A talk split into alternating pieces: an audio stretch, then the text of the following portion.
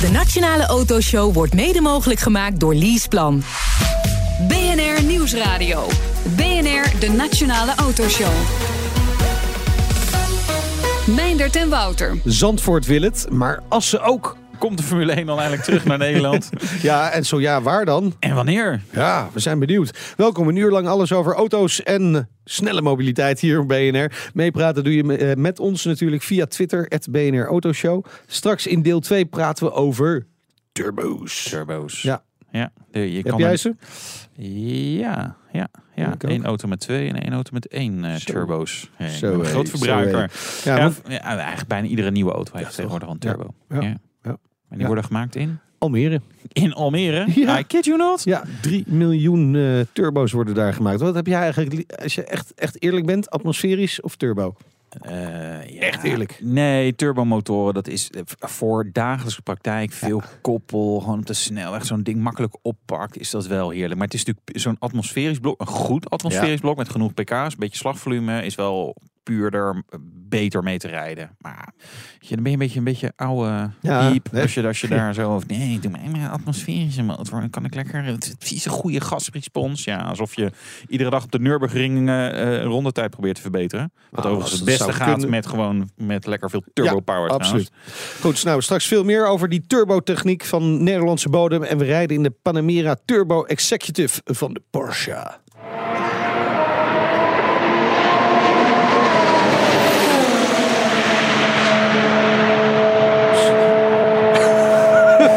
Dat was niet de Panamera volgens mij.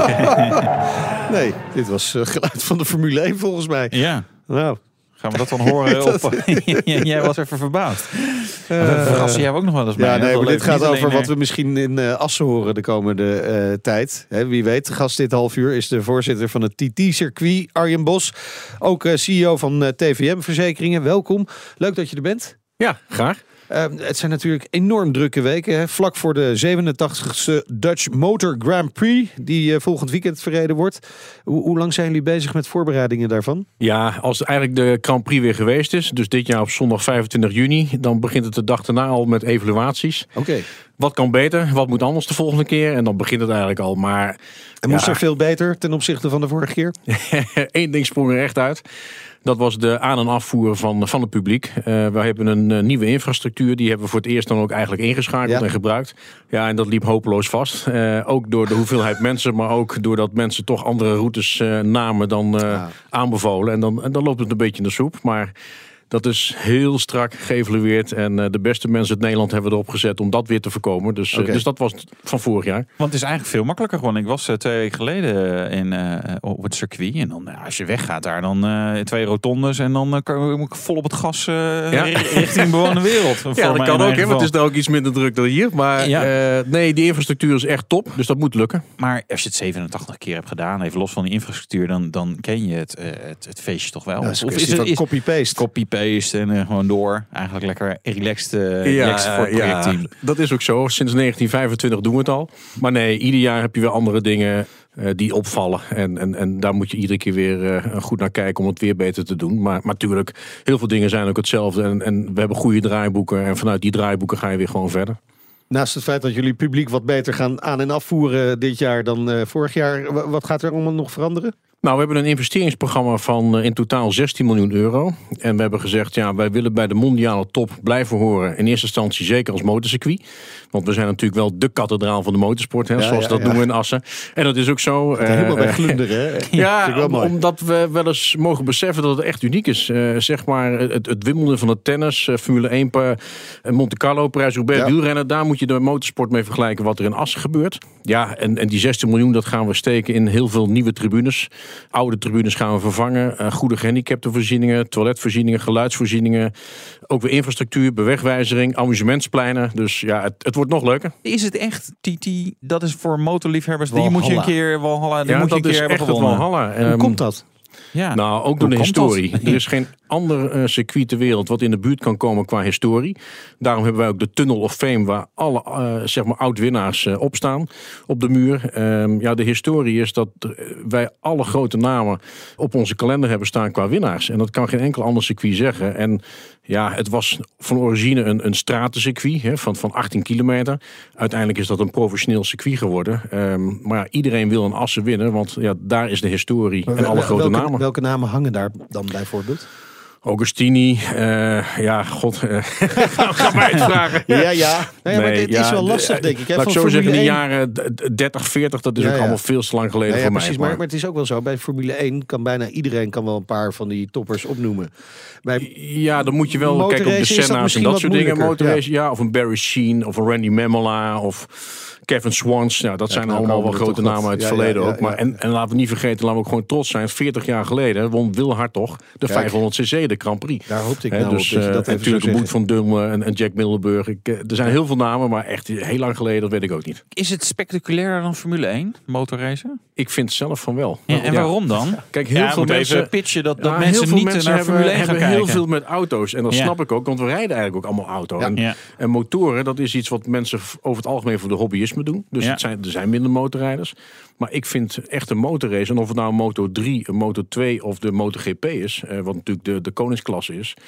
Het is ongemeen spannend. Soms zijn er twintig eh, eh, motoren die binnen een seconde van elkaar de kwalificaties doen. En ook in de race zo ongelooflijk dicht op elkaar zitten. En dat is stuivertje wisselen van, van begin af aan. Inderdaad, ook crashes, dat hoort er ook bij. Maar ja, het is gewoon ongemeen spannend. In welke klasse dan ook. En iets minder een optocht en iets minder van Ja. tevoren duidelijk wie er gaat winnen. Niveausverschillen zijn veel kleiner dan bij Formule 1 dus.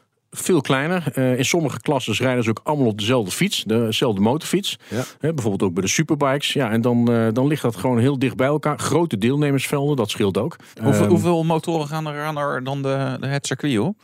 Ja, dat hangt ook weer per klasse af. Maar Ja. vaak doen er een stuk of 30 zeker mee. Ja. Oké, dus dat is dan alweer een En stuk soms meer. nog meer. Lekker krioelen. En dan hoor ik over crashes horen er ook bij. Maar op een motor eh, crashen, dan, dan, dan vang je het zelf op. Het, kijk, kan je- dat je, nog in deze tijd? Je kunt natuurlijk gewoon doorglijden als het ware. Ja. Hè. De veiligheidsvoorzieningen op het circuit zijn, zijn erg groot. Ik kijk ook wel eens, het gaat ruim boven de 300 km per uur. Op sommige circuits tegen de 350. Ja. En als je dan ziet dat, dat ze inhalen en zo'n beetje tegen elkaar aanhangen. Ja, dan, eh, dan vind ik dat ongelooflijk. Ja, en toch, hè, als motorsport zo leuk is, waarom wil Assen dan toch de Formule 1 die kant op halen? Ja, Is toch helemaal niet leuk? Formule 1. Saai. Eh, is ook leuk. Eh, wij blijven een motorcircuit. Dat, dat, dat zit in onze genen en daar, daarvoor zijn we ook. Hè. 105.000 toeschouwers, ook gewoon even op de zondag, de wedstrijddag. We hebben alleen wel gezegd, Max Verstappen is een fenomeen. En dat, dat vinden we met z'n allen, denk ik. Als je Ja. van eh, snelle sporten houdt, vinden wij ook in Assen. En als dan die maatschappelijke discussie op gang gaat komen van... eh, moeten wij geen thuiscircuit hebben voor Max Verstappen? Dat het gewoon in Nederland gaat gebeuren. Dan is in eerste instantie wat mij betreft Zandvoort aan de beurt. Dat is eh, Oké. qua DNA een, een, motor, een, pardon, een autocircuit. Ja, hè. heeft daar een de motorcircuit. historie van de Formule Heeft- 1 Die natuurlijk. hebben de historie Ja, ook van de. Formule 1. Dus dat is onmiskenbaar. Ik voel hem maar komen. Ja, eh, maar, toch wel. Ik denk Ja. dat wij op een aantal vlakken eh, veel verder zijn ehm, Ja. om het te kunnen hosten. Hè. Qua hospitality, eh, qua aan- en afvoer, qua tribunes. We hebben bijna 55.000 eh, eh, tribuneplaatsen. Ja. Ehm, dus we zijn eh, qua investeringen een heel eind verder. Ik zeg niet dat we het kunnen organiseren, want dat hangt er vanaf. We vragen een licentie aan. Ook Zandvoort heeft dat gedaan Ja. om eh, Formule 1 te organiseren. Ja. Dan komen ze met allerlei technische aspecten of het wel of niet kan. Dus dat moeten we eerst afwachten. Misschien is dan het antwoord al daar. Het gaat ons niet lukken. Maar dan weet je toch al wel wat je zou moeten aanpassen We hebben in het verleden ook wel races gehad. Hè? De Ja, Champ Car, precies. A1 League. Dus we weten dat het kan. Hier en Eh, daar maar een stukje asfalt erbij, kan ik me zo voorstellen. misschien nog wat breder. Ja, Eh, dat nog kan. Eh, breder. nog wat meer veiligheidsvoorzieningen. Nou ja, ik, ik, ik, we ik- moeten het afwachten. Ik, ik, ik rij op beide circuits wel eens. Eh Ja. Twee weken geleden inderdaad ook eh, een paar rondjes eh, even, even op Assen gedaan. En denk ik altijd, van, ja, het is wel je, brede uitloopstroken. En, en, en het Zandvoort heb je al snel wel een paar bochten dat je denkt, nou, hier moet ik het niet verkeerd doen. Want dan, dan hang ik meteen in vangrails. Bij jullie is dat echt wel veel minder. Het is een heel veilig circuit. Hè. Ja. Het voldoet ook aan de allerhoogste eisen, aan alle hoge eisen die eraan gesteld worden. Ja, het zou kunnen. Maar goed, we, we moeten het gewoon even afwachten. En we hebben alleen gezegd, we willen het naar Nederland halen. Met z'n allen, heel graag. Zandvoort, wat mij betreft, circuit nummer één. En ik heb ook heel veel respect voor het ondernemerschap wat ze daar op dit moment tonen. Ook eh, Prins Bernhard, hè, met, Ja. met zijn vrienden en zijn compagnons. Doen ze denk ik heel erg goed. Maar het moet wel mogelijk zijn. Als het daar niet lukt... Ja, en als je dan een circuit bent met ambities, en dat zijn Ja, we in Assen. Hoe, hoe, belangrijk is zo'n boegbeeld als Prins Bernhard junior? Ik denk eh, dat een boegbeeld altijd helpt. Hè, en, en dat Zandvoort daar enorm veel eh, profijt van heeft. Ja, wie is het boegbeeld van Assen? Dat ben ik. Ja, Ja. Nou ja, dus in ieder geval één stap gemaakt door hier te gaan zitten. Eh, Zo is het. Ik denk, laat ik het Ja. eens doen. Eh, Prins hele Bernhard hebben we nog niet gezien. Ja, nee, dat ben ik. Eh, kijk, het gaat er uiteindelijk om wat voor netwerk kun je aanspreken. En Ja. eh, ik denk dat beide netwerken gewoon goed zijn. Eh, ook die, eh, die bij mij is eh, eh, prima. In, ja, en, en wij, wij, wij komen bij dezelfde mensen aan tafel. Maar nogmaals, het moet qua faciliteit allemaal mogelijk zijn. En daarover praten we zo eh, verder. Natuurlijk de mogelijke terugkeer van de Formule 1 naar Nederland. En dan eh, vooral ook over het eh, ja, financiële plaatje. Het kost wat. Zeker. BNR Nieuwsradio. BNR, de Nationale Autoshow. Zo dadelijk meer over het TT-circuit in Assen. Maar eerst is het tijd voor het nieuwsoverzicht van deze week, Wouter. En Volkswagen hoeft klanten in Europa niet, ik zeg het nogmaals, niet te compenseren voor Dieselgate. Nee, in ieder geval niet van de Europese Commissie, want daar hebben ze dat mee afgesproken. Ze moeten wel twee jaar extra garantie geven. Er lopen natuurlijk nog wel allerlei claims eh, tegen Volkswagen in Europa. En nou ja, dan moet de rechter daar natuurlijk weer een uitspraak over doen. Dus eh, het, het, het krijgt nog wel potentieel een staartje. Ja, en wat betreft eh, de Consumentenbond ook, want de directeur daarvan die heeft gereageerd. Volstrekt onvoldoende en zelfs onaanvaardbaar. Ik blijf dat een beetje lastig vinden, omdat volgens mij klanten hebben eigenlijk nul last van dat hele, de, de hele Schumel software in, in al die Volkswagen en Audi's en Seats en Skoda's en Porsches. Ja, je moet een software update en bij sommige klanten gaat het dan mis, maar dat zijn er ook maar heel weinig en die, dat wordt dan in principe allemaal gefixt. Kijk, in Amerika is het echt wel anders. Die auto's ja, die voldoen gewoon niet aan de eisen daar. Dus ja, die, die moeten ook allemaal terug en dat, Ja. d- daar ligt het anders. Maar hier in Europa, ik snap dat er mensen zijn die eh, zich eraan storen en iets willen claimen. En tegelijkertijd snap ik Volkswagen die zeggen ja, eigenlijk is er niet zoveel aan de hand. Dan, fijn eh, voor de vakantie of mensen met honden. Er is een nieuwe Jaguar Station Ja, en volgens mij, ik kan me nog herinneren dat Jaguar zei, nou die komt er helemaal niet. Nou, die komt er dus toch gewoon wel. Ook wel lekker voor Europa, de XF Sportbreak. Eh, we hadden van de vorige XF, kwam er heel laat in de levenscyclus, kwam er nog even een keer een Ja. sportbreak. En dat was niet zo heel handig, want die verkochten ze toen niet zo heel veel meer. Nu zijn ze er iets vroeger bij. 565 liter Zo. bagageruimte. Hey, hoppa. Ja, en weer lekker wat dikke motoren natuurlijk ook. Vast ook wat instappers, maar top diesel, 3 liter V6, 300 pk de benzine. Dus die eh, supercharged V6, 380 pk. Dat is natuurlijk beter dus. Hè? Yep. We krijgen overigens ook steeds meer te zien van de Aston Martin Valkyrie. Valkyrie. Ja, en dat was eh, het complot hè, tegen Ja, Hitler volgens mij om te vermoorden. Niet gelukt destijds. Misschien dat het alsnog lukt. Eh, ja, Hitler is nu wel dood, schijnt. Alhoewel, er zijn altijd weer geruchten. Mensen hem zien. Hij is inmiddels wel echt heel oud. En Genève stond er een concept. Die wat, dat was echt plastic van testen. Dat ging helemaal nergens over. eh, vond ik. Nee, echt. Ja, jongens, zet dan niks neer. Maar nu heeft hij echt wel een body in interieur. Die hypercar die zou een 6,5 liter V12 moeten krijgen. Met meer dan 900 pk. Ja, en dit is natuurlijk gewoon weer eh, Tweede Wereldoorlog revisited, hè? Nou. Tegen de Duitsers. Aan GGT tegen Ferrari. Eh, Lamborghini heeft niet echt zo'n hypercar. Maar ja, dat is wel duidelijk tegen wie ze strijden. En eigenlijk ook wel een beetje tegen Frankrijk. Dus dat is wel een beetje raar. Want is één groot Bugatti. Chiron, ja, het is wel meer zo'n race ding dan dat je echt denkt, goh, hier ga ik nou eens even boodschappen mee doen. Nou, waar je wel boodschappen mee eh, kunt doen is natuurlijk de Graag nieuwe variant zelfs. van de Audi R8. Ja, ja. Eh, bij Audi hebben ze het ook doorgekregen. Meer pk's is altijd beter. Dus ook van de R8 Spider een V10 Plus met 610 pk. Uit een 5,2 liter V10. Atmosferisch, hè? Dus Zo. dat is, ja, dat dat is wel echt Ja. een mooi blok. 0 tot 100, 3,3 seconden. Topsnelheid 328 km per uur. En het dak gaat open in 20 seconden. Zo ben je helemaal bij Nou. cijfers. Dat is het dak dat open gaat. Ja, leuk. Het is ja, een V10 atmosfeer. Dat klinkt zo ontzettend mooi. Dat, dat blijft echt een heel mooi motorconcept. Ja, tot slot. Is er al een autoblog winkel? Nee. Nee, waarom niet? Maar wel een eh, in Swalmen. Dat is in Midden-Limburg. Voor de mensen die dat, zich dat ook afvroegen. Ik namelijk ook. Ja. Eh, Max Verstappen, die oogt zijn eigen winkel. Dan kan je lekker met eh, een Red Bull petje en een t-shirtje met Max Verstappen. Een grote foto van Max rondlopen. Petjes, shirtjes, schoenen, alles kan je daar krijgen. Vet. Ja, ik weet niet. Ik vind dat. Ja, ik weet niet. Heb jij daar ooit bij rondgelopen met, met, met Formule 1 petjes? Of, of weet Ja, ik ik heb wel eens een Formule 1 petje gehad, geloof Ja. ik. Ja. ja. ja, I don't know. lang, lang geleden. Lang, lang geleden. Dit is voor. eh, nou, jeugdige mensen. Die vinden dat misschien wel leuk. Ach, oude bok.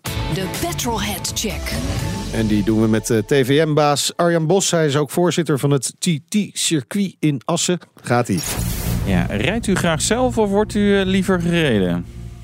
Ik, ja, nee, ja, nee, ik rij zelf. Dat het liefst. En ik word inderdaad ook af en toe gereden. Ja, Ja, is dat nodig? ja een hele drukke periode wel. Ik, eh, ik, ik, zeker dus niet iedere dag. eh, ook niet iedere week. Maar als het echt druk is en je kunt veel lezen en je moet veel kilometers maken, dan eh, af en toe laten rijden. Nou, gelukkig kun je af en toe lekker uitwaaien op het circuit van Assen. Je bent voorzitter van het circuit. Wat is de snelste ronde? Nou, dat heb ik ooit geprobeerd in een, eh, in een Lotus, elektrische. En dat was wel leuk, want toen nog premier Balkenende, die had een Ferrari. Ja, En het optrekken tegen elkaar, dat ging dus in die Lotus sneller eh, Ja. met zo'n elektrische auto. Alleen, alleen... hij is op een nu 360 graden gespind. Eh, Er staat trouwens ook op band, maar we hebben het nooit uitgegeven. Oh, die Eh, beelden hebben altijd wel En anderzijds eh, vloog ik bijna de bocht uit. Want als je dat geluid niet hoort, dan heb je je eigen snelheid niet door. Maar Nee. hoe hard het ging, ik weet het niet. Nee. Maar af en toe eh, wel te vinden op het circuit dus. Jawel, maar ik, ik doe eigenlijk nooit een rondje. Ik, eh, nee, ik, ja, het is meer het besturen van het circuit wat je ook. doet. Hè? Ehm, snelheid is natuurlijk belangrijk hè, voor een circuit. Eh, wat is de hoogste snelheid die je zelf hebt gereden? Op het circuit of eh, ergens in Duitsland? Ja, of op ja de dat is inderdaad in Duitsland eh, 250. Niet al te lang, want dan vind ik het al aardig spannend. En eh, het is een begrensde auto, toen was dat toen, dus het ging niet harder. Ja, dan kan je hem gewoon eh, eh, naar, naar beneden houden, het pedaal. Harder gaat Ja, het toch kan niet? wel, maar tegenwoordig is het allemaal wat rustiger. Mooi. Ja. We komen tot het eh, eindoordeel. Wouter? Prima. Prima. Prima. Ja, vinden we ook.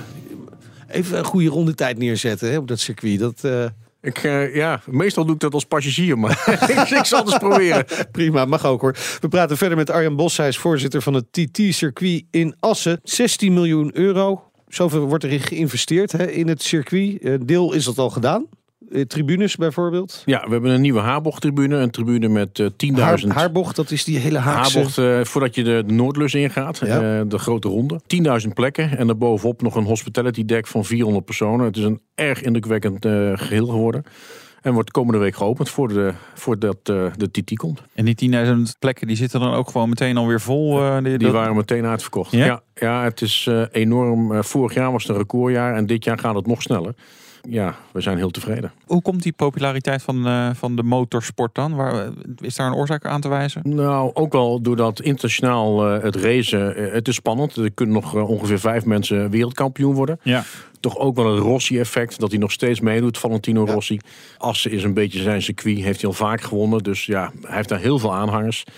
De economische opleving, want ehm, ja, dat, dat zie je ook wel. Eh, dat het, de sport weer op televisie te zien is, dat is belangrijk. Ja. Ehm, media is belangrijk. Ja, en toch ook wel de publieksvoorzieningen die gewoon eh, top zijn aan Assen. Dat mensen het sfeertje, de beleving, het meemaken, het, het voelen, het ruiken, het zien, het, ja, dat heeft er allemaal mee te maken. Valentino Rossi, dat is ook wel de naam die eh, ook al weet je niks van motorsport. Als je Studio Sport hebt gezien, dan komt die naam elk jaar wel voorbij. Hè? Ja, dat is een fenomeen. Dat is Ja. de, de Michael Schumacher van, van de Formule 1. Is hij eh, in, in de motorsport. Hij draagt zijn sport op een geweldige manier uit. Hij is populair, maakt er een mooie show van. En ja, dat willen de mensen ook. En wat de mensen misschien ook wel willen, is Formule 1 op Assen.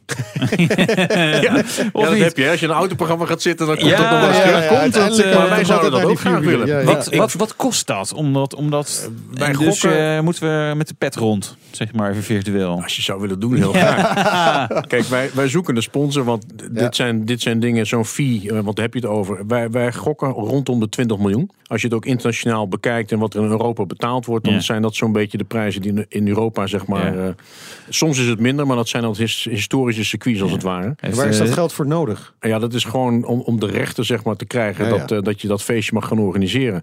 Wij willen het hosten, wij, willen, wij zijn een facilitair bedrijf, dus, dus wij moeten zorgen dat we dat kunnen. Ja. Maar er moet iemand, en ik verwacht wel dat die stroming in Nederland op gang gaat komen. eh, iemand zijn die zegt, joh, we gaan het mogelijk maken Ja. met Ja. een paar investeerders. En dan, eh, dan City dat. Marketing Assen? Of is dat, eh moet iets groter denken? Nee, dan moeten we veel groter denken. Dat is eh, landelijk, zeker internationaal. Ja. Zou de overheid daar wat in moeten doen? Of is het, is, dat dat zie je natuurlijk in, jaar- in, in allerlei Ja. andere landen. Niet altijd even frisse landen natuurlijk, maar zie je dat veel. Dus zou Je ziet Nederland dat dat, heel veel. Je ziet, ook moeten. Wij hebben het al in de, bij het motorgeweld heb je het ook. Wij zijn een privaat circuit, een stichting. Dus wij betalen het zelf. Hè. Niet, niet de provincie Drenthe of, of eh, de Nederlandse overheid. Eh, wij moeten het ook zelf ophoesten en zelf terug zien te verdienen. En heel eerlijk vind ik dat heel gezond. Want dan leun je Ja, niet ja. op anderen. Je bent baas op je eigen grondgebied. Dus dat koesteren wij. En ehm, ik vind ook met de Formule 1, het moet ook draagvlak hebben in de maatschappij. Dus ook in het bedrijfsleven. Laten die het grotendeels oppakken. En dat de overheid dan voor een stukje meedoet, prima. Maar om het meteen bij de overheid in te leggen, ben ik zelf nooit geen voorstander maar van. dan krijg je ongeveer hetzelfde waarschijnlijk als met de Olympische Spelen. Dat er toch altijd weer krachten opstaan die denken van ja, is dit nou allemaal wel nodig? We kunnen dat geld wel beter ergens Ja. anders aan besteden. Ja. Dat zal waarschijnlijk met Formule 1 ook gebeuren. Als Ja, dat want er zijn natuurlijk heel veel mensen die zeggen, moet die flauwekul. Ja, precies. En er zijn gelukkig ook heel veel mensen, waaronder ik zelf, die, die Ja. het ontzettend gaaf zouden vinden. Ik ook. Maar je moet wel ook naar de samenleving kijken. En eh, als het wat waard dan komt het vanzelf ook op tafel. Ik heb het ook met minister Schippers over gehad van Sport vorig jaar. Die was bij ons te gast. En die zei het ook, de eerste initiatieven moeten wel uit de samenleving komen. En dan pas naar de overheid gaan en niet andersom. Maar ik, ik steun dat. Ja. En zijn er eh, al wat bedrijven geïnteresseerd? Er zijn wel wat mensen die hebben gezegd, nou, laten we kijken of het feestje te organiseren is. Eh, en dan melden we ons. Ja. Met name zakenmensen eh, uit het midden en het zuiden van het land. In het, in het noorden is natuurlijk wat dunner bevolkt. Zitten ook niet heel veel grote bedrijven. Maar heel concreet is het nog niet. Nou, in Almere zit eh, een turbofabrikant. Ja, die hebben jullie zo meteen te gast. Dus, ja. Ja, ik ken, even ook, ik voorleggen. ken ook nog een grote verzekeraar die misschien wel interesse heeft. Ja, ja, ja, Maar precies. ehm, eh, oké, stel dat er maatschappelijk eh, draagvlak is voor zo'n Formule 1 race. En dan? Is het dan niet alsnog kansloos? Ja, dan moet je op de kalender zien te komen. Hè. Dus, dus Ja, één, eh, we moeten een circuit hebben in Nederland die het kan hosten. Die dus een Formule 1 licentie krijgt. Nou, er zijn twee circuits, Zandvoort en Assen, die dat nu in aanvraag hebben. Maar, maar Formule 1 gaat toch gewoon om wie het grootste zak geld op tafel legt, die krijgt de Formule 1 race. Nou, de grootste niet, maar het blijft wel een commercieel iets. Hè. Die Ja. Amerikanen hebben veel geld betaald eh, om dit eh, te kopen. Ja. En dat moet, terugver- dat moet terugverdiend worden. Ja, Ja. precies. En dat doen ze onder andere met fees eh, naar de circuits die, die, die het willen organiseren. Ze willen ook meer Grand Prix gaan organiseren, maar daar zijn de rijders nog op tegen, lees ik. Dus ik geloof nooit dat het heel goedkoop wordt. Nee. Alleen, ze willen ook volle tribunes. Je ziet het in de motorsport ook. Qatar heb je ook een motorwedstrijd, maar er zitten er een paar duizend Ja. mensen. Bij ons 105.000. Ja. Dus wij hebben de historie. Vergelijk ons maar een beetje met, Ja. met Monza of, of Monte. Carlo met de Formule Maar 1. En dan betaal je jullie- veel minder. Moeten jullie voor de, het organiseren van de motorraces ook betalen? Ja, Ja? ja dan, je zou bijna denken dat het andersom moet. dan omdat betaal je een de- fee de- van, van 3,5. kathedraal zijn Nee, van, ja, eh, de kathedraal. Maar dan zit je op een fee van zeg 3,5, 4 miljoen euro. Maar Qatar zit op 10. Wat een bedrag, dus, joh. dus, Ja. Is er een verschil tussen eh, de oude situatie onder Ecclestone en de nieuwe situatie onder Liberty Global? Ik ken ze niet. Eh, ja, uiteraard wel van naam. Ja, ja, ja. Eh, en ik, en ik, ik, ik lees dat er veel veranderingen Ze op zijn komst zijn. onder andere eigenaar van Ziggo, toch best een, ook een groot Nee, bedrijf. ik, ik heb het In bedrijf Nederland. inderdaad opgezocht. Het, het is enorm. Maar ik, ik geloof er niet in, want dat lees je wel eens van, nou ja, qua fees zullen ze het misschien anders gaan doen en goedkoper gaan maken. En, maar het is gewoon een, een, een- een, commercieel bedrijf. Dus daar geloof ik niet in. Eh, ze, ze moeten echt wel een Dus die zullen ook hebben. eerder voor Kazachstan gaan als daar meer miljoenen op Nou, tafel niet komen. alleen, hè, want het moet een mondiale sport zijn. Dus iedereen moet vertegenwoordigd zijn. En daarin is Assen, eh, bijvoorbeeld Scandinavië en, en, en de Noord-Europese landen, die zijn eigenlijk nog niet ver- vertegenwoordigd op die kalender. Zo zie ik het. In En, het eh, Zweedse en- en Assen. daar hoort Nederland bij. Oh, heerlijk. Ja, ja. Nou, zo Ja, je zou moet een natuurlijk beetje wel- optimistisch Ja, zijn. ja, ja, je moet- ja, als, je- als je zeg maar, wat, noordelijk intekent. Ja, maar dat is en ook leuk voor al die Finse fans. eh, Ja, en die kunnen dan met de... kunnen ook met- en we liggen tegen dat Duitsland aan. Maar Ja. ja. ja, daar, maar daar hebben ze ook wel wat circuits natuurlijk. MotoGP, die is natuurlijk aanstaande. Tegelijkertijd is er wel een Formule 1 race. Ja. Baku. Ja. Is dat nog eh, concurrentieproblemen? Levert Nee, dat de agenda's worden wel altijd van tevoren met elkaar overlegd. Eh Dorna is degene die het doet bij de motorsport. De Amerikanen nu bij de Formule 1, die hebben contact met elkaar. En eh, nu is besloten dat de MotoGP om één uur is. Dus daar is eh, rekening mee gehouden. Want normaal gesproken zou die om twee uur zijn geweest. We zitten even denken, overlapt die dan? Nee, helemaal niet. Of om, eh, begint de Formule 1 om Ik twee weet uur? niet hoeveel tijdsverschil Nee, er ja. is met Baku. Nee, krijg ik ook Ik niet. denk een paar uur. Nee. Dat gaan we straks even opzoeken. Ja. Weet je, dat valt eh, misschien toch wel weer uit. En hoeveel mensen komen er eh, in het weekend naar Assen? Het is de vrijdag begint de eerste training. De tweede training is zaterdag, de wedstrijd zondag. Alles bij elkaar ruim 160.000 mensen, waarvan 105.000 mensen op de racedag. Alleen op zondag 105.000 mensen. Ja, Dat is ja dus bijna twee keer de arena vol. Ja. Jeetje. Ik zou dat bericht eens even naar Liberty Global eh, sturen. Ja, kijk eens wie wij allemaal eh Precies. En meekrijgen. dat kunnen er nog meer zijn. Eh, zeg, Jaap Timmer, Mr. TT Ja. toch wel, hè? Helaas eerder dit jaar overleden. Ja. Groot gemis kan ik me voorstellen. En, ja, zeker. Want, want Jaap was altijd een trouwe gast. Is een tijd geleden al uit het bestuur gestapt. Maar eh, ja, was een zeer graag geziene man. En eh, we missen hem. Zijn, zijn, Ja. zijn intonatie, zijn stem, zijn sigaar. Onlosmakelijk. Ja. Eh, maar natuurlijk ook een grote geweest in de, in de auto-industrie. Bij onder andere Opel. Ja. Dus, Staan, nee, nog, Jaap stil, missen we. staan jullie stil bij zijn Dat hebben we al meerdere malen gedaan. En ja, dat hoort ook zo. Want het is een, ja, een bestuurder qua... Een soort legende bij ons. Ja. Absoluut. Jaap Timmer, helaas eh, eerder dit jaar eh, dus overleden. En daarmee komen we aan het einde van dit half uur. Hartelijk dank voor de komst naar de studio. Heel veel plezier met de- Dutch Motor GP. Zeggen we dan Arjan Bos, voorzitter van het eh, TT-circuit... en de topman van TVM Verzekeringen.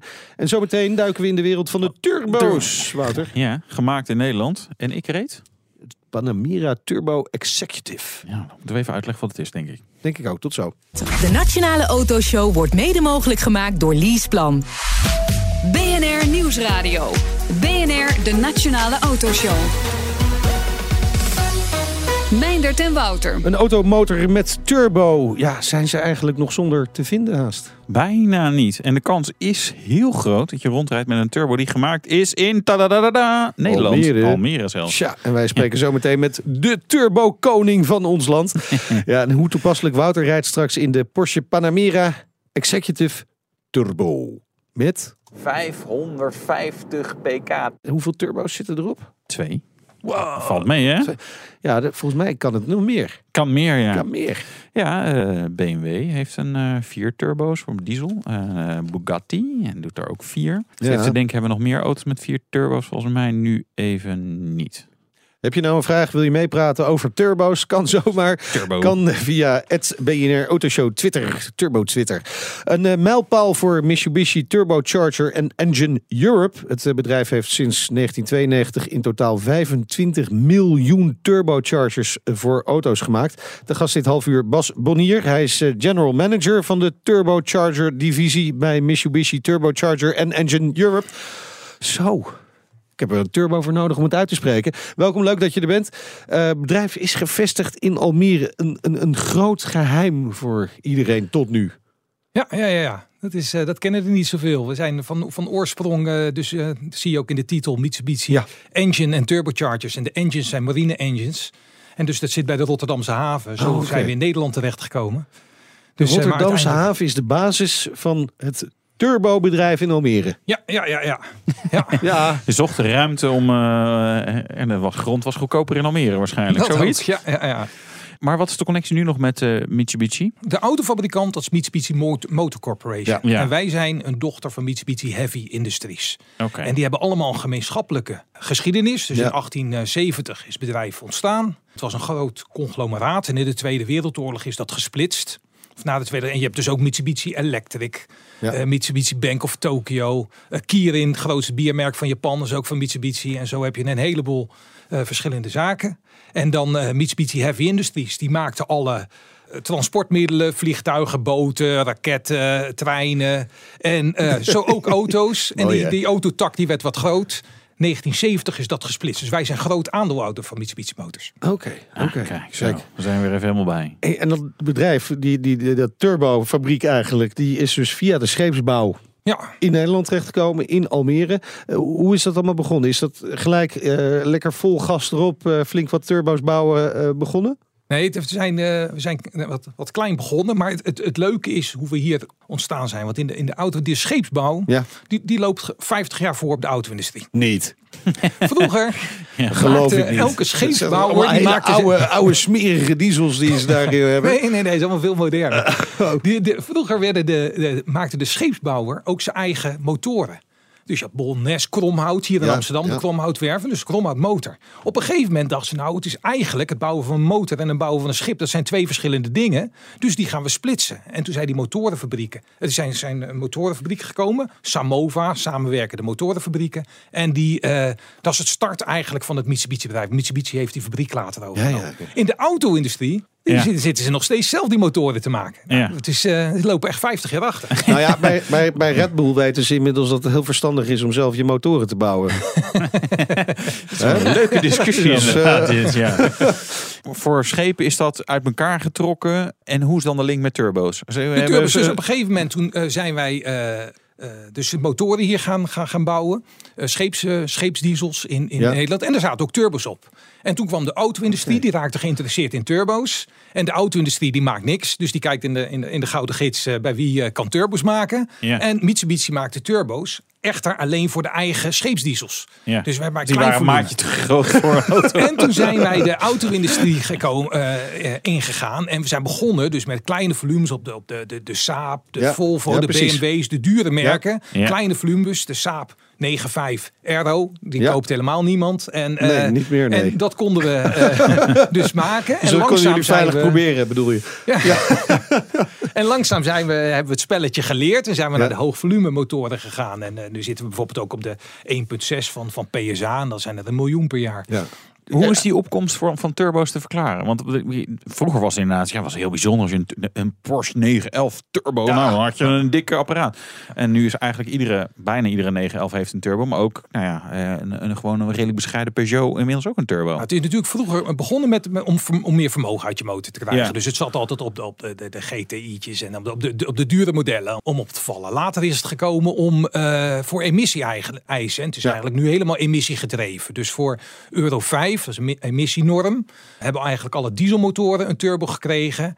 En nu met de laatste eh, Euro 6 emissienorm hebben nu ook alle benzinemotoren een, een turbo gekregen om die emissie-eis te halen. Ja. Dus eigenlijk zijn nu feitelijk alle Europese motor, eh, automotoren, die hebben een turbo. Ja, dus jullie gaan eigenlijk lekker mee op die golf van vergroening van de eh, brand- brandstofmotoren.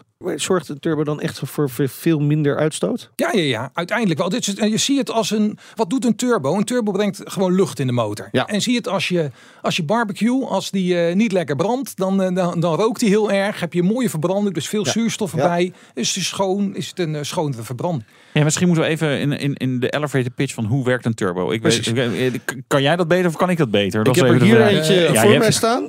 Zwaar dat- ding ja, trouwens. Ja, zwaar we ding. kunnen, we kunnen het allebei proberen. ik, ik, ik hoop dat ik het beter kan. dat, maar- ja, probeer. Doe, Ik doe ondertussen wat eh, krachttraining. Eh, Wat weegt dat? Eh, Deze een kilo of vier, denk ik. 4 kilo. Om te begrijpen hoe een turbo werkt, moet je eerst weten hoe een motor werkt. Een motor wordt begrensd door lucht, niet door brandstof. Nee. Je kunt namelijk eh, we druppelen de brandstof in. Je kunt er Ja. een tuinslang met brandstof op zetten. Maar Ja. je hebt in een 2 liter motor heb je 2 liter lucht en daarmee twee, eh, zoveel zuurstofmoleculen. En daarvoor weet je hoeveel lucht je kan verbranden. Eh, hoeveel brandstof je kan verbranden. Als je er meer vermogen uit hebt, drie dingen doen. Als je die met elkaar vermenigvuldigt, heb je meteen het vermogen, formule van vermogen van de motor. Ja. Maar één is, als je een 2 liter motor hebt, je wil meer vermogen, maak er een 4 liter van. Ja, twee keer zoveel vermogen. beat Ja. cubic inches. Amerika, Precies. doen ze in. Amerika. Ja. Wat je ook kan doen, is zorgen dat die dat eh toerental hoger is. Dat gewoon die 2 liter wat vaker rondkomt. Dat doen ze in de Formule 1 met die Ja. hoge eh, 12, 14.000 toeren. Het derde wat je kan doen, is er gewoon meer lucht, in Lucht op, persen. ja. Dat dus in een 2 liter mo- motor, Ja, ja. dat er meer zuurstofmoleculen zitten. Nou, dat, is dus dat de, dat bedoelt noemen ze de het verhogen van de effectieve druk. Dat doe je met een compressor. Die compressor, dus een turbo is niks anders dan een compressor die lucht in de motor brengt. Dan Ja. de tweede vraag is van, hoe ga je die compressor aandrijven? Dat kun je weer op drie manieren doen. Kijk, ja. Elektrisch. Ja. En dan eh, zit hij op je accu, maar je hebt zoveel vermogen nodig dat binnen een paar seconden die accu leeg is. Je zou hem aan kunnen drijven met een V-snaar of een ketting. Zoals Ja. vroeger de, de compressor. Bij, bij eh, Mercedes stond het op de achterkant van de auto. Ja. Maar dat kostte een, eh, een hoop energie. Want Ja. de, de- dat gaat dus van, die, van je, de energie af die je naar je wielen kan brengen. En het vermogen. Ja. En de derde is dat je het aandrijft met je uitlaatgassen. Want een motor is eh, erg inefficiënt. Ja. Met 30% vermogen. Of eh, 30% rendement. Ja. Dus er gaat 70% in van Lucht alles eh, de lucht in. Ja. En er gaat een hele hoop dus door je uitlaatgassen. Ja. Als je dus die uitlaatgassen, daar zit Recycled energie eigenlijk. in. En daar recyclen. Dus je doet een schroepenrand in je uitlaatgassen. Ja. Dan gaat dat Ja. draaien. Eigen soort windvaantje, zeg Een maar, zoals kinderen ja. hebben. Ja. Ja, ja. Ja, net zoals zo'n ouderwets waterwiel. Van, eh, op, eh, en je doet dat aan de compressor. Dus een asje, een compressor. Draait die automatisch. De turbinewieltje gaat draaien, gaat ook de compressor draaien. En gaat er lucht de motor in. Meer lucht, meer brandstof, meer power. Ja. Dat is eigenlijk eh, kort samengevat eh, hoe het werkt. Ja. Nou, nou komen die, die turbos oorspronkelijk dus uit de scheepvaart. Daar gebruiken ze geen benzinemotoren voor zover ik weet. In ieder geval niet voor de grotere schepen. Eh, de, dus de, de eerste turbo's waren voor dieselmotoren. Ja, ja. Dus eh, het is al het, het patent van Boegie. Eh de Boegie heeft de, de turbo ont, eh, ontwikkeld. En dit is in eh, 1906. Oké. En dat waren voor grote eh, scheepsdiesels. Ja. Eh, zijn turbo's voor diesels en benzinemotoren verschillend? Ja. Waarom? Een dieselmotor is, is eh, eh, eenvoudiger voor turbotechnologie. En twee redenen. De eerste is dat de uitlaatgassen lager zijn. Dus een, een dieselmotor heeft zo'n beetje 800 graden en een benzinemotor Ja. 1000, 1000 graden. Daar moet je hele andere materialen voor gebruiken. Anders smelt hij. En eh, ja, en de, de tweede eh, is het proces, het, eh, het dieselproces. Hoe meer lucht je erin blaast, hoe beter het Ja. is. Hoef je niet te regelen, veel, zoveel precies. lucht. Bij eh, een benzinemotor moet de zuurstof-brandstofverhouding, die moet, eh, de lab daar, verhouding, die moet er rond de 1 zitten. Dus dat, dat is veel nauwkeuriger, is veel moeilijker om te doen. Dus daarom zijn benzineturbo's moeilijker te regelen en met duurdere materialen dus een stuk duurder. Oké. En dat Ja. maakte die oude Saabs ook duur dan. Ja, Denk ik. Dat was ongeveer de eerste eh, ja, ja, ja, ja. benzinemotoren met turbo's. En Voor de ontwikkeling kan ik me voorstellen dat jullie veel moeten samenwerken met fabrikanten. Eh, eh, hoe gaat het dan precies in, in, in zijn werk? Want ik bedoel, vroeger haalden ze gewoon uit Gouden Gids. Onder de T van Turbo stond een Mitsubishi en dan belden ze jullie. Eh, en, nu- en nu ik kan me voorstellen dat ja, dat luistert wel nauw. Of, of valt het dan toch weer mee? Dat ze toch gewoon dingen inkopen. Een soort standaard. Nee, we werken heel nauw samen. Het het is eigenlijk puur samenwerken met, eh, met de klant om het eh, naar series te brengen. Dat hele traject duurt vier jaar. Dus als we nu genomineerd worden, zijn, gaan we in 2021 pas naar serieproductie, dus naar massaproductie. Oké, maar dan weet je dus nu ook al welke motoren er in 2021 Ja, ja. uitkomen. Ja, dus wij weten ook dat de wat- elektrische. wat, eh, ja, daar, daar beginnen ze altijd mee dat ze je even een, eh, iets laten tekenen. Een uh, non-disclosure agreement. Dus je mag dat niet verklappen. En welke, welke merken lever je aan? Kun je dat wel zeggen? Ja, aan, aan alle Europese. alle eh, Europese ja, merken. en BMW is onze grootste klant in, in omzet eh, gezien. Peugeot, dus eh, PSA groep. Peugeot Citroën, dat is in volume de grootste klant. Eh, Volkswagen is nummer drie. En zo kun je dat rijtje nog wel verder. Dus en zo gaan we door tot de Bugatti, de, de, de McLaren's, de Aston Martins en eh, alles. Daar gaan we het eh, zo over hebben. En we gaan het ook over de bedreiging van de elektrische auto hebben voor de markt voor turbo's. Het antwoord krijg je zo. En we rijden in de Porsche Panamera Turbo Executive. BNR Nieuwsradio. BNR, de Nationale Autoshow. Tijd om te gaan rijden. De rijimpressie. Ja, we praten over turbos, dan moeten we er ook maar even mee gaan rijden. En Wouter test dan gelijk maar de Porsche Panamera Turbo Executive.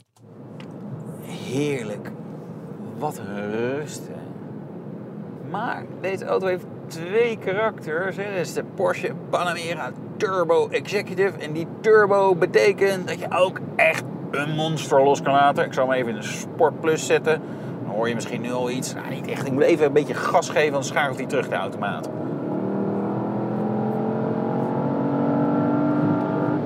En van binnen is dit dan nog een redelijk beschaafde V8-brul, maar van buiten klinkt het echt alsof, nou ja, een luchtmacht, ik zal niet zeggen welke, een inval doet op de plek waar jij op dat moment bezig bent. Want het is echt een bak herrie gooit hij dan, zeg maar, eh, de ether in. Ik vind het helemaal fantastisch. Misschien je buren weer wat minder, maar het is wel ja, geeft aan dat deze auto kan echt twee dingen. Hè. Dit executive betekent dat dit een verlengde versie is. Langere wielbasis, 150 mm. Hij is dus ook 150 mm langer in de lengte.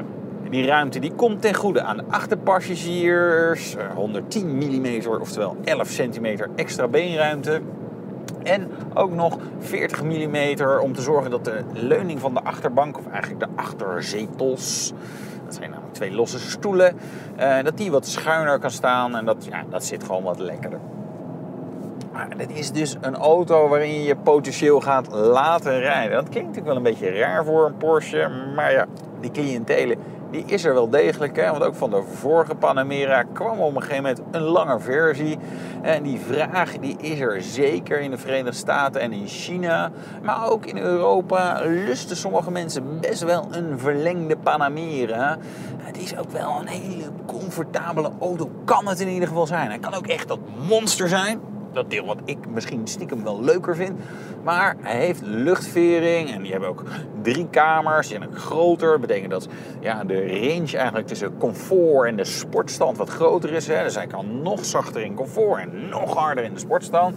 En dat merk je ook wel. Die lange wielbasis zorgt dat hij ook lekker over ja, hobbels glijdt als het ware. Zo moet je dat denk ik een beetje zien. En tegelijkertijd is dit een auto waarmee je nou ja, je chauffeur met de bus naar huis kan sturen om dan toch nog even een dijkweggetje aan te vallen. Want die turbo, Nieuw blok, 4 liter groot, V8, twee turbo's uiteraard. Heeft verwantschap met nou, wat Audi blokken en Bentley blokken. En dat is natuurlijk allemaal hetzelfde concern. 550 pk. Dat betekent een topsnelheid van 306 km per uur. Ik heb het niet gered deze keer, maar wel in de buurt gekomen in Duitsland. 298 km per uur. Overigens, boven de 250, mm, ja, de acceleratie is dan niet waanzinnig snel meer. Maar goed, dat is niet echt een heel groot probleem voor de meeste mensen. Sprint naar de 100, 3,6 seconden. Ja, en wat eigenlijk het meest geniale is aan deze nieuwe Panamera, hij is zoveel mooier dan de vorige. Die vorige, de meeste mensen hebben daar toch nog wel een beetje haat-liefde verhouding mee. Poepende hond, die vorm zit er een beetje in. Hè? En, en nu, deze Panamera ziet er echt uit, vind ik dan, als een vierdeurs 911. Maar dan lekker gelukt. Meer een platgedrukte poepende hond geworden. Een liggende... ja, joh. nee. Regen in, in die ik, vind hem ook, ik vind hem ook mooi. Ik Ja, is hem echt wel mooi. Ja, ja. Schitterend. Ik was weer laatst inderdaad weer bij een Porsche eh, centrum. En dacht ik, ja, dit vind ik, ja, vind ik echt, echt gewoon een hele gave auto. Ja. Echt eh, lekker. Lekker voor het gezin ook. Ja, ruimte zat. Ja, Ja. mooie schermpjes achterin en zo. Dat vinden de kids ook altijd wel leuk. Ja, Ja. ja. ja, ik moest nog even sparen. Dat Zelf rijden of gereden worden, want dat kan natuurlijk allebei. Ja, en wat wel grappig is dat ze nu ook van tevoren hadden bedacht van... hé, hey, misschien willen we nog een lange versie uitbrengen. Want bij de eerste Panamera hebben ze dat later pas gedaan. En dat zie je ook een beetje in, in, in die verhoudingen. Dus eh, nou ja, ik, ik zou het wel fijn vinden hoor. Om, om straks eh, na de uitzending dat ik gewoon naar huis word gereden. Dat ik gewoon even lekker eh, oogjes dicht of, of, of een filmpje Ja, kijken. je moet het Ja, toch een beetje op je laten indalen, zo'n Ja. programma Ja, dat is toch wel heftig, Wat heb ja. ik nou eigenlijk allemaal gezegd? Ja, precies. Ja, nou, komen we bij het eindoordeel. Leuke auto, maar meer voor Wouter. Ja, doe maar dan. Nou ja, gek Hè? huis, gek huis. BNR Nieuwsradio. BNR, de Nationale Autoshow. Meindert en Wouter. Wij praten verder met eh, Bas Bonnier. Hij is eh, general manager van de Turbocharger Division bij Mitsubishi Turbocharger en Engine Europe in Almere. En daar maken ze inmiddels 3 miljoen turbochargers per jaar. Nee, laat het even op in. 3 miljoen. 3 miljoen. 3 miljoen. Dat is echt veel. En je werkt er al een tijdje. Ja, ja, ja, al 20 jaar. 20 jaar. Hoeveel, hoeveel werden er 20 jaar geleden gebouwd? 60.000. 60.000. Ja, Echt groei. dus we Ja. hebben Jullie hebben gigantisch ieder jaar je bonus eh, gehaald. Van groei of niet? Ja. Het is gewoon een feest bij zo'n bedrijf werken. Ja, ja, ja. Ja. Nee, dat is zeker. Nou staat deze fabriek in Europa. Dat is vast niet voor niets. Want Europa is wel de turbomarkt. Ja, de, de Europese markt is, de, de, dat is echt de turbomarkt geweest. Want de groei is gekomen door de, door de dieselmotoren. Ja. En eigenlijk is Europa het enige continent waar men een, een, een dieselmotor in een, in een personenwagen eh, gooit. In Amerika en in Azië is het voor, voor vrachtwagens. Ja. En, eh, Ja. Dus daarom is die groei eerst hier gekomen. Maar nu, eh, nu we dus voor, eh, ook voor benzine Ja. allemaal aan de turbo gaat, gaat, gaat ook de, de markt eh, in, in Amerika en in Azië open. Ja, gaat daar nu echt komen? Want eigenlijk is in Europa is bijna iedere auto eh, een, een turbo. Als ik dan door de prijslijst wandel altijd, dan denk ik, nou, dan hebben we nog een heleboel Aziaten. En de, de, wa- de Amerikanen die hier dan worden geleverd, dat zijn al die, al die motoren zonder turbo. Ja. Dus daar, Die kan er nog allemaal aan de turbo. En Ja. nu onze, eh, we hebben dus eh, verschillende fabrieken, maar eentje in Europa. Dat is de, de fabriek die we hier in Almere hebben staan. Ja. Voor de rest in Amerika en Azië. Maar in, in China bijvoorbeeld, de fabriek in Chi- China, die gaat ons volgend jaar eh, voorbij in, eh, in aantal. Oké. Want jullie Zo. kunnen ook niet meer verder groeien? 3 miljoen, dat is een beetje Jawel, de maar dat is, wij maken voor, de, voor de Europese markt. Ja, die, en dat- die markt die is wel een beetje verzadigd. Hoe- hoeveel, hoeveel motoren met turbo's worden er in Europa gemaakt? Ik denk zo'n ongeveer 17 miljoen. Oké. 17 miljoen mo- die kunnen er nog 14 Je kunt miljoen. Ja, ja, ja, je kunt wat eventjes- eh, van de concurrentie. Ja, Is er veel concurrentie? Eh, we, zijn, we zijn met z'n met z'n vier en met z'n vijven. Ja. Vier serieus en nog een kleintje erachter.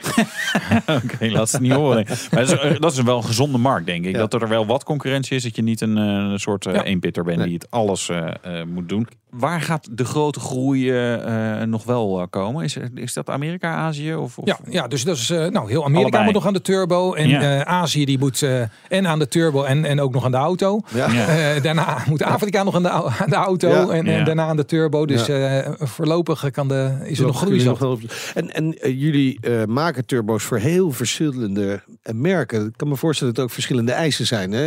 Je noemde Bugatti, maar jullie maken ook turbo's voor eh, Fiat. Ja, ja, ja. Wat is spannender? Want de Bugatti, dat vinden de meeste mensen spannend. Maar of, of is Ja. dat, kan daar, daar kan alles. Dus ja, dat is misschien dan weer niet zo. Ja, nee.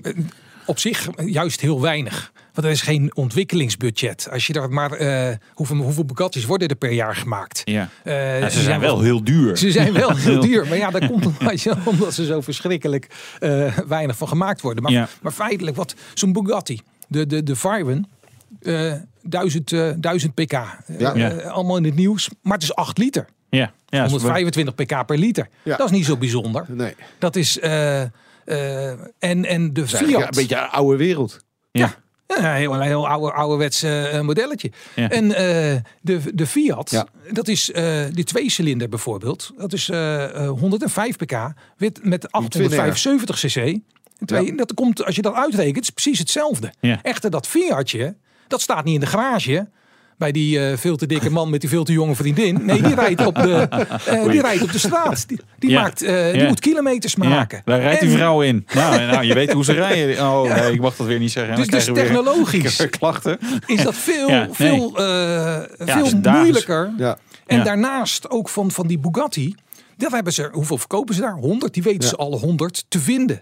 Ja. Eh, Zo'n zo'n Fiatje, dat zijn er 100.000. Ja. Eh, dus als je daar een claim hebt, dus als er iets fout is, is veel lastiger om te doen. Nou, je weet hè, de debacle met Wat, de airbags. wat is jullie zo. grootste claim geweest? Eh, Oeh, dat was met een eh, Volkswagen busje. Oh. Maar, maar daar willen we het niet over hebben vandaag. We gaan het over andere dingen hebben. toch? Je hebt het over het ingewikkelde hè, voor, voor zo'n Fiat 500. Maar die eh, emissienormen die worden ook steeds verder aangescherpt in Europa. Ja. Maakt het dat ook niet extra moeilijk? Ja, ja, ja dat is de, de enige reden dat we überhaupt auto-industrie in Europa hebben. Dat zijn emis- emissienormen. Want het is op zich anders een commodity. En dan wordt het in China of India gemaakt. We zorgen dat het in Europa een emissienorm is die we net niet kunnen halen. Dus daarom Euro 7 weten we nog niet. Want we moeten eerst even bepalen wat, wat eh, net niet. Zodat de Europese industrie het wel kan halen. En de, en de Chinezen en de Indiërs het niet kunnen doen. Anders zijn we het allemaal kwijt. Zo wordt het zo gespeeld. Maar straks wordt het allemaal elektrisch. Ja. En dan is het toch klaar? Dat is dan klaar. kan eh, Almere Straks kunnen we gaan rolschaatsen die Musk, eh, die, fabriek. die vaart al die elektrische Model 3's binnen in de haven van Rotterdam. En eh, nou, dan Ja, kan die ja, fabriek ja, ja. in Almere dicht. Nee, dat is, eh, daar moeten we natuurlijk naar wachten. Kijk, dat gaat nog wel een poos duren voordat dat eh, zover is. En, en eh, voordat de infrastructuur ook in, in heel Europa zover is. Dus tot die tijd zullen we wel, we zullen eerst een hele lange tijd een, een soort hybride vorm hebben. Ja, want dat vind ik nog heel even kort interessant. Want jullie werken toe naar een grote onthulling hè, op de IAA in Frankfurt. Ja, ja, ja. Tipje van de sluier. eh, Nou, dat gaan we dus dan op de IA Dat is- in Frankfurt eh, dat is die. eh, vertellen. Dus een eh soort daar zijn jullie van harte voor range extender eh, wordt dat. Dat is, eh, ja, daar gaan we iets, eh, iets speciaals eh, voor maken. Wat we met eh, elektrische, eh, in combinatie met een elektromotor eh, kunnen gaan doen.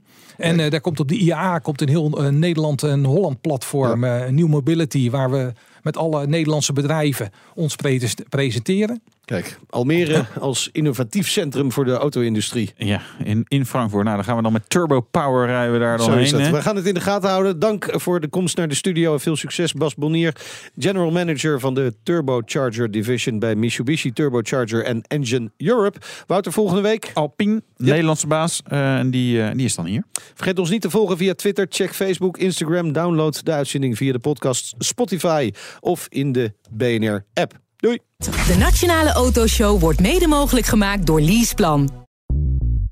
Bij BNR ben je altijd als eerste op de hoogte van het laatste nieuws. Luister dagelijks live via internet. Jelle Maasbach. Wesley Weert. We zijn er voor je met het leukste, opvallendste, maar natuurlijk ook het belangrijkste nieuws. Tijdens de presentatie van die halfjaarcijfers toen die beurskoers in elkaar kukkelde. BNR Beurs. Voor de slimme belegger. Blijf scherp en mis niets.